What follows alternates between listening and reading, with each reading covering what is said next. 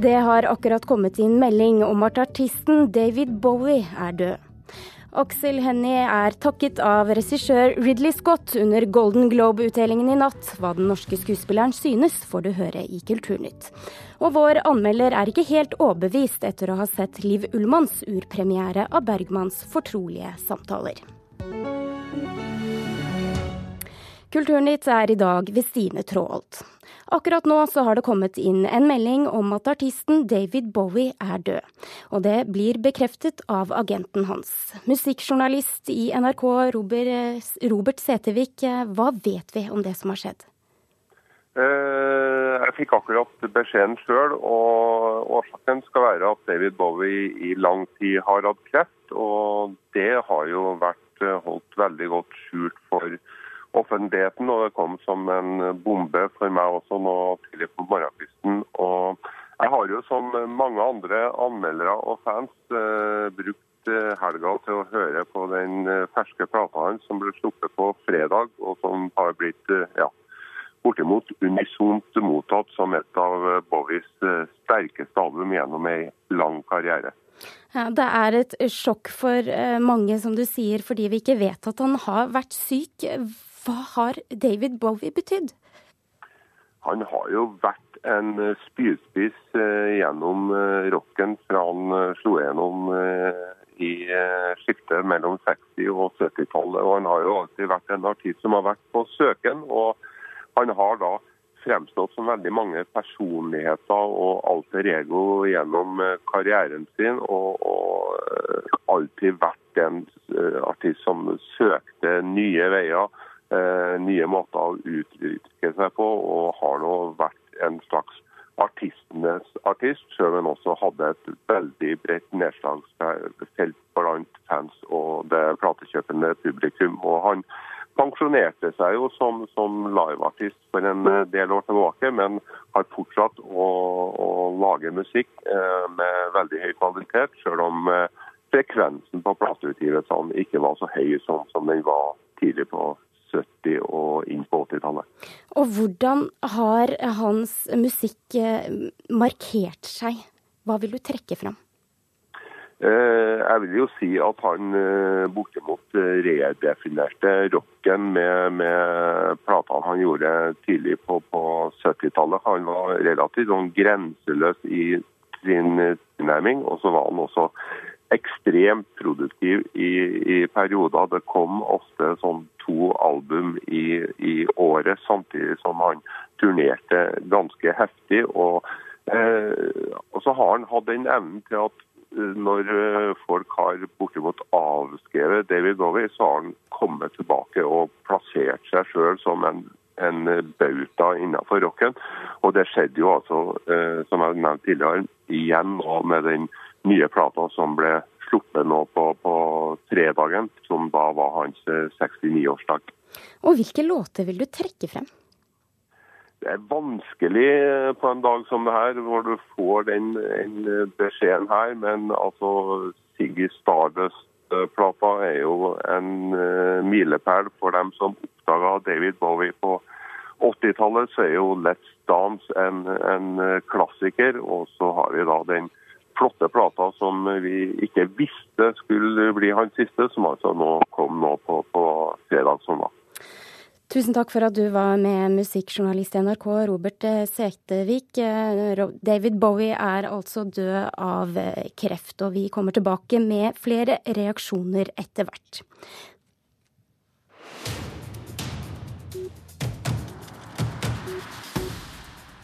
Da skal vi snakke litt om Golden Globe, for det ble to priser til filmen The Martian i natt. Aksel Hennie har som kjent en liten rolle i filmen, og hans reaksjon får du om litt. Den store den store vinneren under nattens prisutdeling var filmen The Revenant, som fikk pris for både beste drama, beste regissør og beste mannlige hovedrolle. Leonardo DiCaprio fikk dermed sin tredje Golden Globe. to Leonardo DiCaprio. Leonardo DiCaprio fikk stående applaus da han reiste seg for å hente sin tredje Golden Globe for rollen som den ordknappe pelsjegeren Hugh Glass i kamp mot bjørner, indianere, snøstormer og rivaliserende eventyrere på vei vestover i 1820-tallets USA. I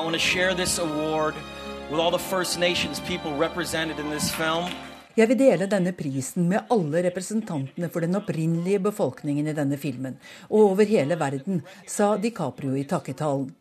Norske Kristoffer Joner hadde også en mindre rolle i The Revenant, som også fikk prisen for beste filmdrama, og Alejandro Inaritu ble belønnet som beste regissør. Surprise! En annen av kveldens store vinnere var The Martian, Marsboeren, som fikk prisene for beste komedie og beste hovedrolle i komediesjangeren. Her blir helten, astronauten Mark, forlatt på Mars fordi kollegene tror han er død.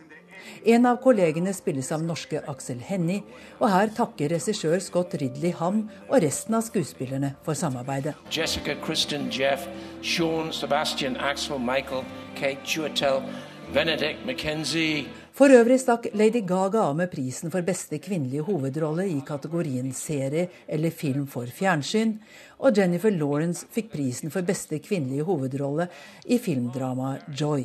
And the Golden Globe goes to Sylvester Stallone.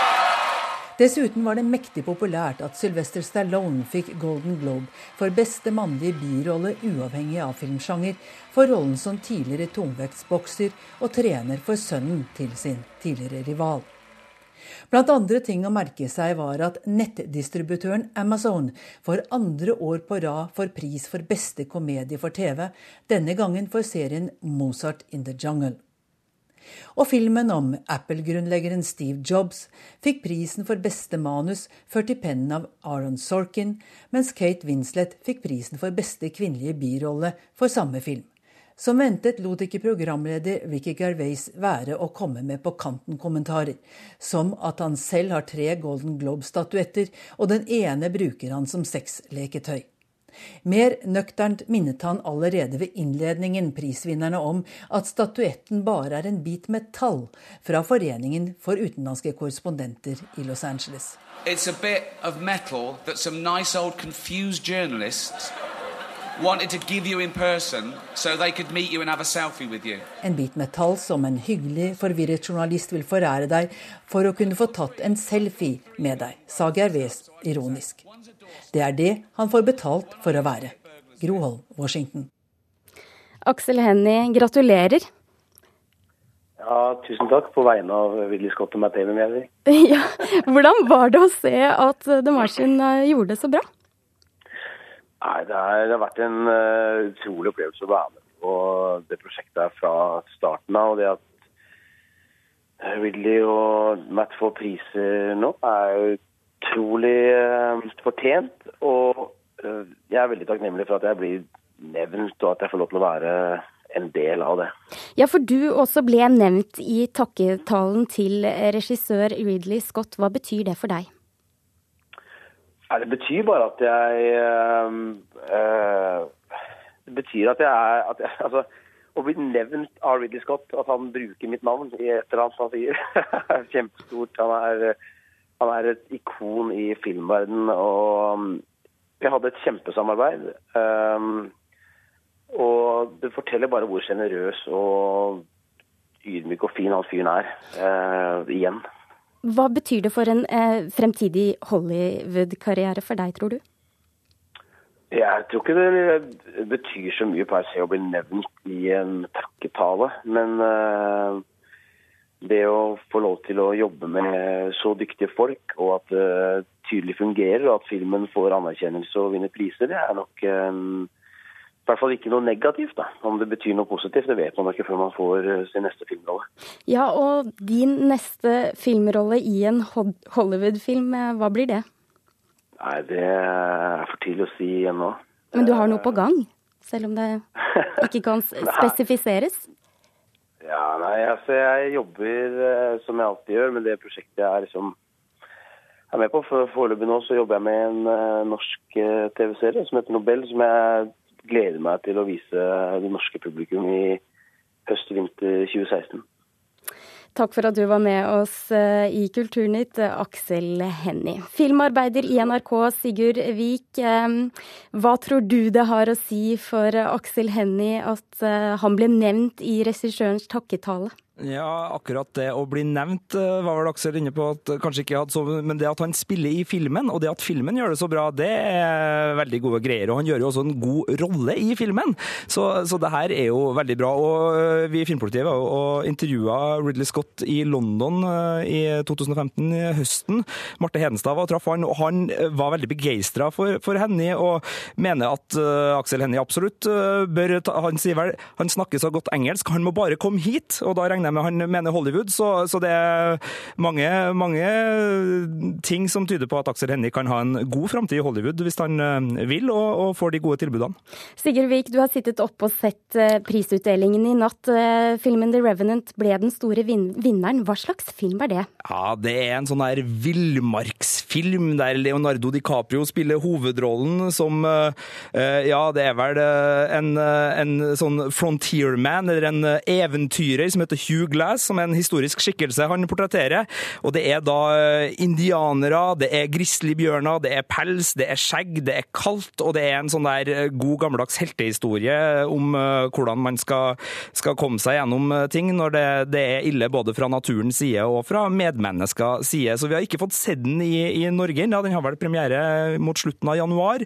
Men uh, traileren ser ut som en ganske vill sak, så, så vi gleder oss til å se den. Og det ser jo ut til at det er kvalitet det her, i og med at den eh, gjorde det såpass bra på Golden Globe nå. Ja, og med Leonardo DiCaprio i hovedrollene, altså. Hvordan syns du prisutdelingen og sendingen var, da? Det var en veldig god og underholdende sending. Med Ricky Gervais som, eh, som eh, orkesterleder så blir det jo smågrovt, selvfølgelig, og, og, men, men, treffende så. Og det er også en, en ganske sånn uhøytidelig og, og, lett tone på, på Golden Globe-utdelinga. Så prisene går unna i et godt tempo. Det er greie underholdningsinnslag, og det er stort sett gode taler. Det var ingen av de der lange, lange, eh, alvorlige talene i dag. Det eneste unntaket var vel Leonardo Leonardo DiCaprio som, som tok en, en liten uh, tur innom at vi må bevare uh, det vi har av både natur og, og medmennesker for, også for framtiden. Men ellers så var det stort sett greie og korte takketaler. Uh, og så var det en fin blanding. Det var ganske mye 90-tallsnostalgi. Christian Slater vant pris, Leonardo DiCaprio vant pris, Matt Damon vant pris, Sylvester Stallone vant pris, så det var jo ganske mye der. Men så var det også en del friskt nytt. Spesielt på seriefronten var det en del nye, spennende serier som stakk av med de gjeveste prisene, og det er jo artig. Avslutningsvis, eh, Sigurd Vik. Eh, det sies jo så ofte at Golden Globe gir oss en pekepinn på hvem som vinner Oscar i februar. Ja. Er det fortsatt slik eh, i år òg, tror du? Nei, jeg tenker Leonardo DiCaprio har jo i hvert fall gjort sine ting fint. Men det er jo en del av de, de store Oscar-favorittene som var nominert nå, som, som ikke vant priser, bl.a. Spotlight. Så, så, det er vanskelig å si. Men det er klart, The Martian og The Revenant har i hvert fall signalisert at de vil være med å kjempe.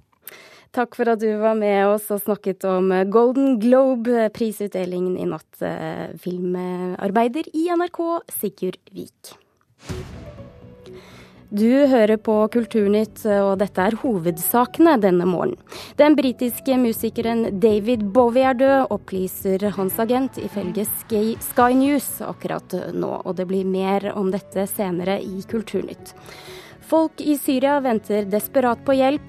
FN skal etter planen få slippe inn til de hardest rammene med nødhjelp i dag. Det er uklokt å bruke penger på midtdelere, sier trafikkforsker, som heller vil ha billigere tiltak som kan trygge sikkerheten på norske veier. Ja, i går kom meldingen om et annet dødsfall, eh, nemlig at eh, billedhugger eh, en av de fremste norske billedhuggerne vi har, Bård Breivik, er død. Han døde av kreft, 67 år gammel. Og Mona Palle Bjerke, hvilke spor har han satt etter seg? Han har satt dype spor etter seg, både som, i, som, kunstner og som eh, pedagog. Han har jo fått lov å prege det offentlige rom i ganske stor grad. Så der er det jo veldig sånne tydelige spor. Men også det at han da jobbet på 80-tallet som professor på Kunstakademiet i Stockholm, det har jo gjort at han også har preget mange yngre kunstnere. Så dette er, som du sier, en av våre fremste skulptører. Hvilke verk vil du trekke fram? Han er jo, Jeg nevner dette med offentlig rom. Jo, det er jo noe av det som gjør han så folkekjær. For der kan vi snuble inn i en kunstopplevelse. Også folk som aldri ville finne på å oppsøke et museum. Jeg er jo veldig glad i Klosterenga skulpturpark i gamlebyen i Oslo. Men det er også veldig flott hvordan han har utformet eh, Torgallmenningen i Bergen med disse flotte store søylene. Og det var jo noe han var opptatt av litt senere ut i karrieren. Dette med å tatt fatt i det offentlige rom, i byrommet, og være med og forme det. Og i f.eks. på Klosterenga skulpturpark så ser vi også det at han jobber med forholdet mellom stein og vann. Og det gjorde han i mange sammenhenger. Og har liksom den døde, massive, harde steinen mot det levende, litt uforutsigbare vannet, da. Ja, vil du si at det er det som karakteriserer kunsten hans? Det er veldig, Man kan ikke si det så veldig kort, for han er en veldig mangfoldig skulptør som har jobbet med hønsenetting og med sand og med granitt og med veldig mange ulike formater, med små veggobjekter til kjempestore, massive skulpturer. Så er, det er vel det vi sitter igjen med, dette veldig mangfoldet og rikdommen da, og det at han hele tiden har en brytning mellom fortid eh, og nåtid, mellom innovasjon og håndverk. Han var jo en som kjente til et vell av håndverksteknikker og mestret håndverk veldig godt, men har også en interesse for sin egen samtid. Han er jo både en da veldig folkekjær og som favner skulpturtradisjonen, samtidig som han var en nybrottsskikkelse på 70-tallet, som var med på å skape aksept for en konseptuell skulptur, altså en skulptur der ideene er vel så viktige som den fysiske fremtiden eh, til objektet. Han har satt mange avtrykk etter seg her hjemme, men hvilken betydning fikk han utenfor landets grenser? Han hadde faktisk gjorde seg bemerket også i utlandet. Han var jo utstilt på Guggenheim i New York i 1982, og deltok også på Beijing-biennalen i 2008, bare for å nevne to eksempler. Men i Norge var han jo kjempestor. Eh, tusen takk for at du kom til oss, eh, Mona Palle Bjerke, for å snakke om eh, Bård Breivik, som altså døde i går.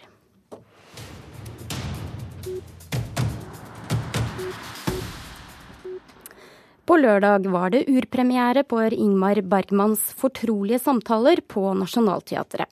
Regi og bedarbeidelse var ved Liv Ullmann, og ifølge henne selv så er dette hennes farvel med teatret.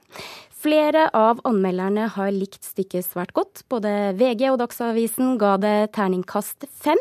Teaterkritiker Karen Frøysland Nystøl i NRK, deler du denne begeistringen? Jeg er nok ikke så begeistra som eh, disse eh, terningthrillerne du nevnte nå.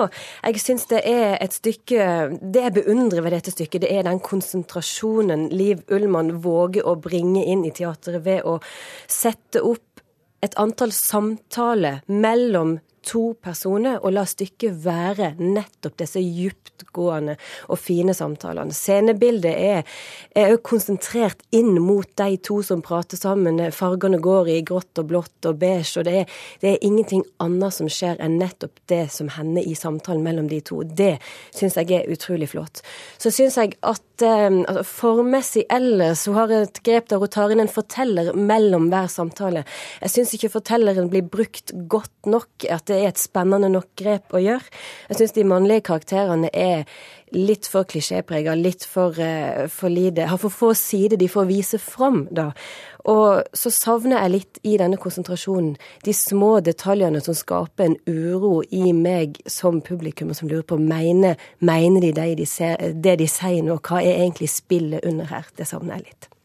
Vi har et eh, kutt gjort eh, for et opptak for NRK med hovedrolleinnehaver Marte Engebretsen, som eh, spiller Bergmanns mor Anna. La oss høre. Ja, jeg har nok tenkt på anger. Men jeg angrer ingenting. Jeg har tenkt på synd, men det blir bare et ord.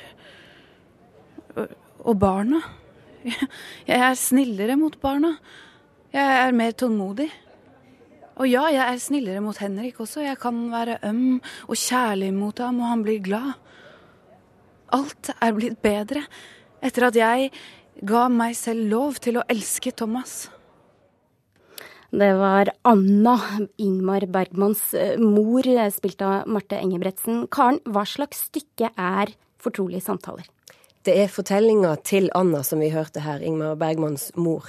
Hun eh, er utro. Bedrar sin mann, og stykket starter med at hun bekjenner dette overfor en prest. Og alle samtalene handler jo nettopp om eh, dette tillitsbruddet hun da har begått. Jeg syns eh, Marte Engebergsen spiller Anna utrolig godt. Hun står med en rakrygga ro midt i den stormen hun sjøl har skapt, denne Anna-karakteren. Og det er Engebergsen, hun er i hver eneste scene. Hun bærer dette stykket gjennom, og, og det, det, er veldig fint. Men det er, det er mammas historie vi hører. Vi hører lite om hva som, hva som skjer med barna og de rundt henne. Det er først og fremst hennes valg og konsekvensene av det for hun og, og for så vidt òg hennes mann dette stykket handler om. Eh, du er ikke helt overbevist, men tenker du at dette er noe som likevel kan gå seg til? Ja. Jeg tror dette er et stykke som kommer til å spille seg strammere og fastere. Og jeg tror at eh, når eh, Riksteatret i februar starter turneen og skal reise landet rundt eh, med dette stykket til ja, land og strand rundt, de starter i Bodø om bare noen få uker, så tror jeg at det, det er en, en tettere forestilling de presenterer. Jeg tror at det vil gnistre mer og mer ettersom de får spilt sammen det de har. Det er ei en fin forestilling, og det er utrolig flott nettopp denne konsentrasjonen de våger å spille ut på scenen. Ja, det sa Karen Frøysland Nystøl, som er teaterkritiker her i NRK.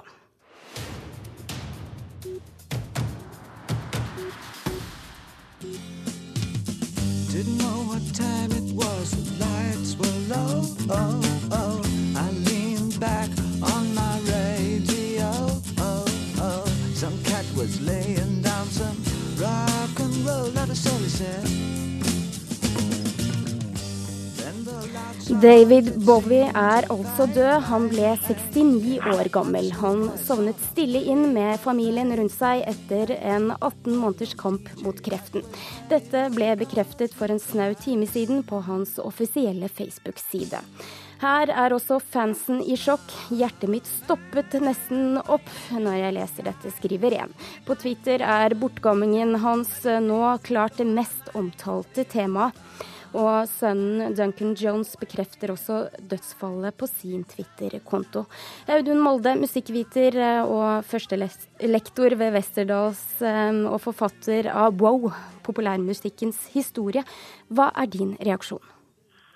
Ja, Min reaksjon er at det er en fryktelig trist nyhet å, å våkne opp til. Um, jeg ante ingenting om at Bowie hadde kreft, og at han hadde så kort tid igjen. Han kom jo med ny plate nå på fredag, som jeg har hørt masse på i helga. Så dette er uh, virkelig, virkelig en trist morgen. Var dette skjult for de fleste at han uh, var syk? Ja, det tror jeg det var. Man har jo visst om hjerteoperasjonen hans, og han har levd veldig tilbaketrukket de siste årene, som alle vet. Jeg, jeg tror nok det, ja. Har du rukket å høre på den siste plata hans? Ja, jeg har hørt ganske mye på den i helga. Og det er jo alltid interessant når Bowie gjør ting, selv om det er en del materiale her som er kjent fra før. Så, så gjør det alltid inntrykk å høre nytt materiale fra Bowie. Men det får vi altså aldri gjøre mer. Hva har han betydd? Så Bowie redefinerte på 70-tallet fullstendig hva en popartist kunne være og kunne gjøre. Han... Uh, han var den første postmoderne popstjernen. Han var den første som iscenesatte seg selv som en karakter. Han var David Jones, og så ble han David Bowie. Og så lot han David Bowie bli karakteren Siggy Stardust. Så han lekte med identiteter, han skapte konsepter og, og innførte en helt ny kunstnerisk frihet for hva popmusikk kunne være å gjøre. Og Der er han den store store pioneren som for alltid vil bli huska. Påvirket han andre artister rundt seg? Ja, i høy grad. Eh, ikke minst gjennom sceneshowene som han gjorde, med, hvor rocken ble nesten som en teateroppsetning live, med ideene sine og med konseptene sine. Av og til så hører man om David Bowie at han var rockens kameleon, men det er jo helt motsatt. For en kameleon tar farge etter omgivelsene. Det var jo omgivelsene som tok farge etter David Bowie. Og hva er din, din Bowie-favoritt, da? Nei, Det er vanskelig å si. Jeg syns Starman, som vi hørte nå, er fantastisk. Jeg liker veldig godt perioden, tidlig perioden rundt Life on Mars.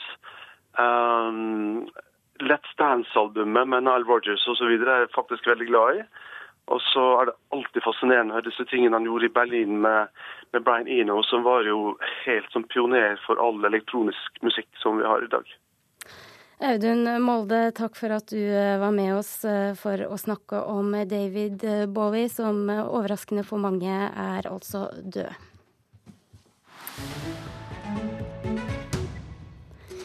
I år så er det 400 år siden William Shakespeare døde, og det skal markeres over hele verden, også i Norge på Torshov-teatret. Jan, særlig du spiller hovedrollen som Prospero i 'Stormen'. Eh, og hva har Shakespeare betydd for deg? Nei, jeg har vært så heldig å ha fått lov til å spille flere stykker eh, de siste årene. Eh, Kong Lear, Otello i Bergen det er jo det er på mange måter skuespillernes treningsrom, da. Eh, Shakespeare. Der, der får du virkelig trent alle musklene dine som skuespiller. Så det har vært fantastisk. Mm. Dere har bearbeidet dette eh, stykket 'Stormen' til en familieforestilling, og det handler også om klimakampen. Hvordan har dere gjort det?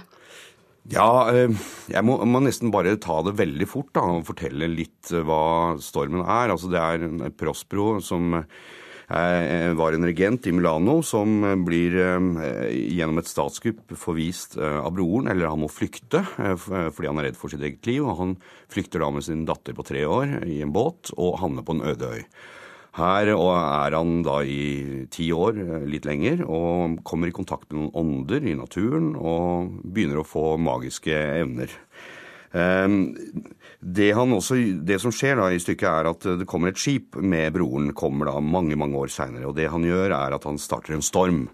Uh, og denne stormen er da menneskeskapt, uh, så Morten Kraner, regissøren. Og da tenkte han at hvis denne stormen vedvarer gjennom hele stykket, og ikke bare er i begynnelsen, så vil vi ha et, ja, et klimaproblem. Og på den måten så har vi da ført inn eh, den eh, prinsen. Han er da en klimaforkjemper, og han prøver å, å finne ut av hva denne stormen er. Og med det så har dere også bevist at Shakespeare er for alltid aktuell. Denne sendingen er over. Ansvarlig for den var Vidar Sem, og du får flere kulturnyheter utover dagen. Nå fortsetter Nyhetsmorgen. Mitt navn er Stine Tråholt. Hør flere podkaster på nrk.no podkast.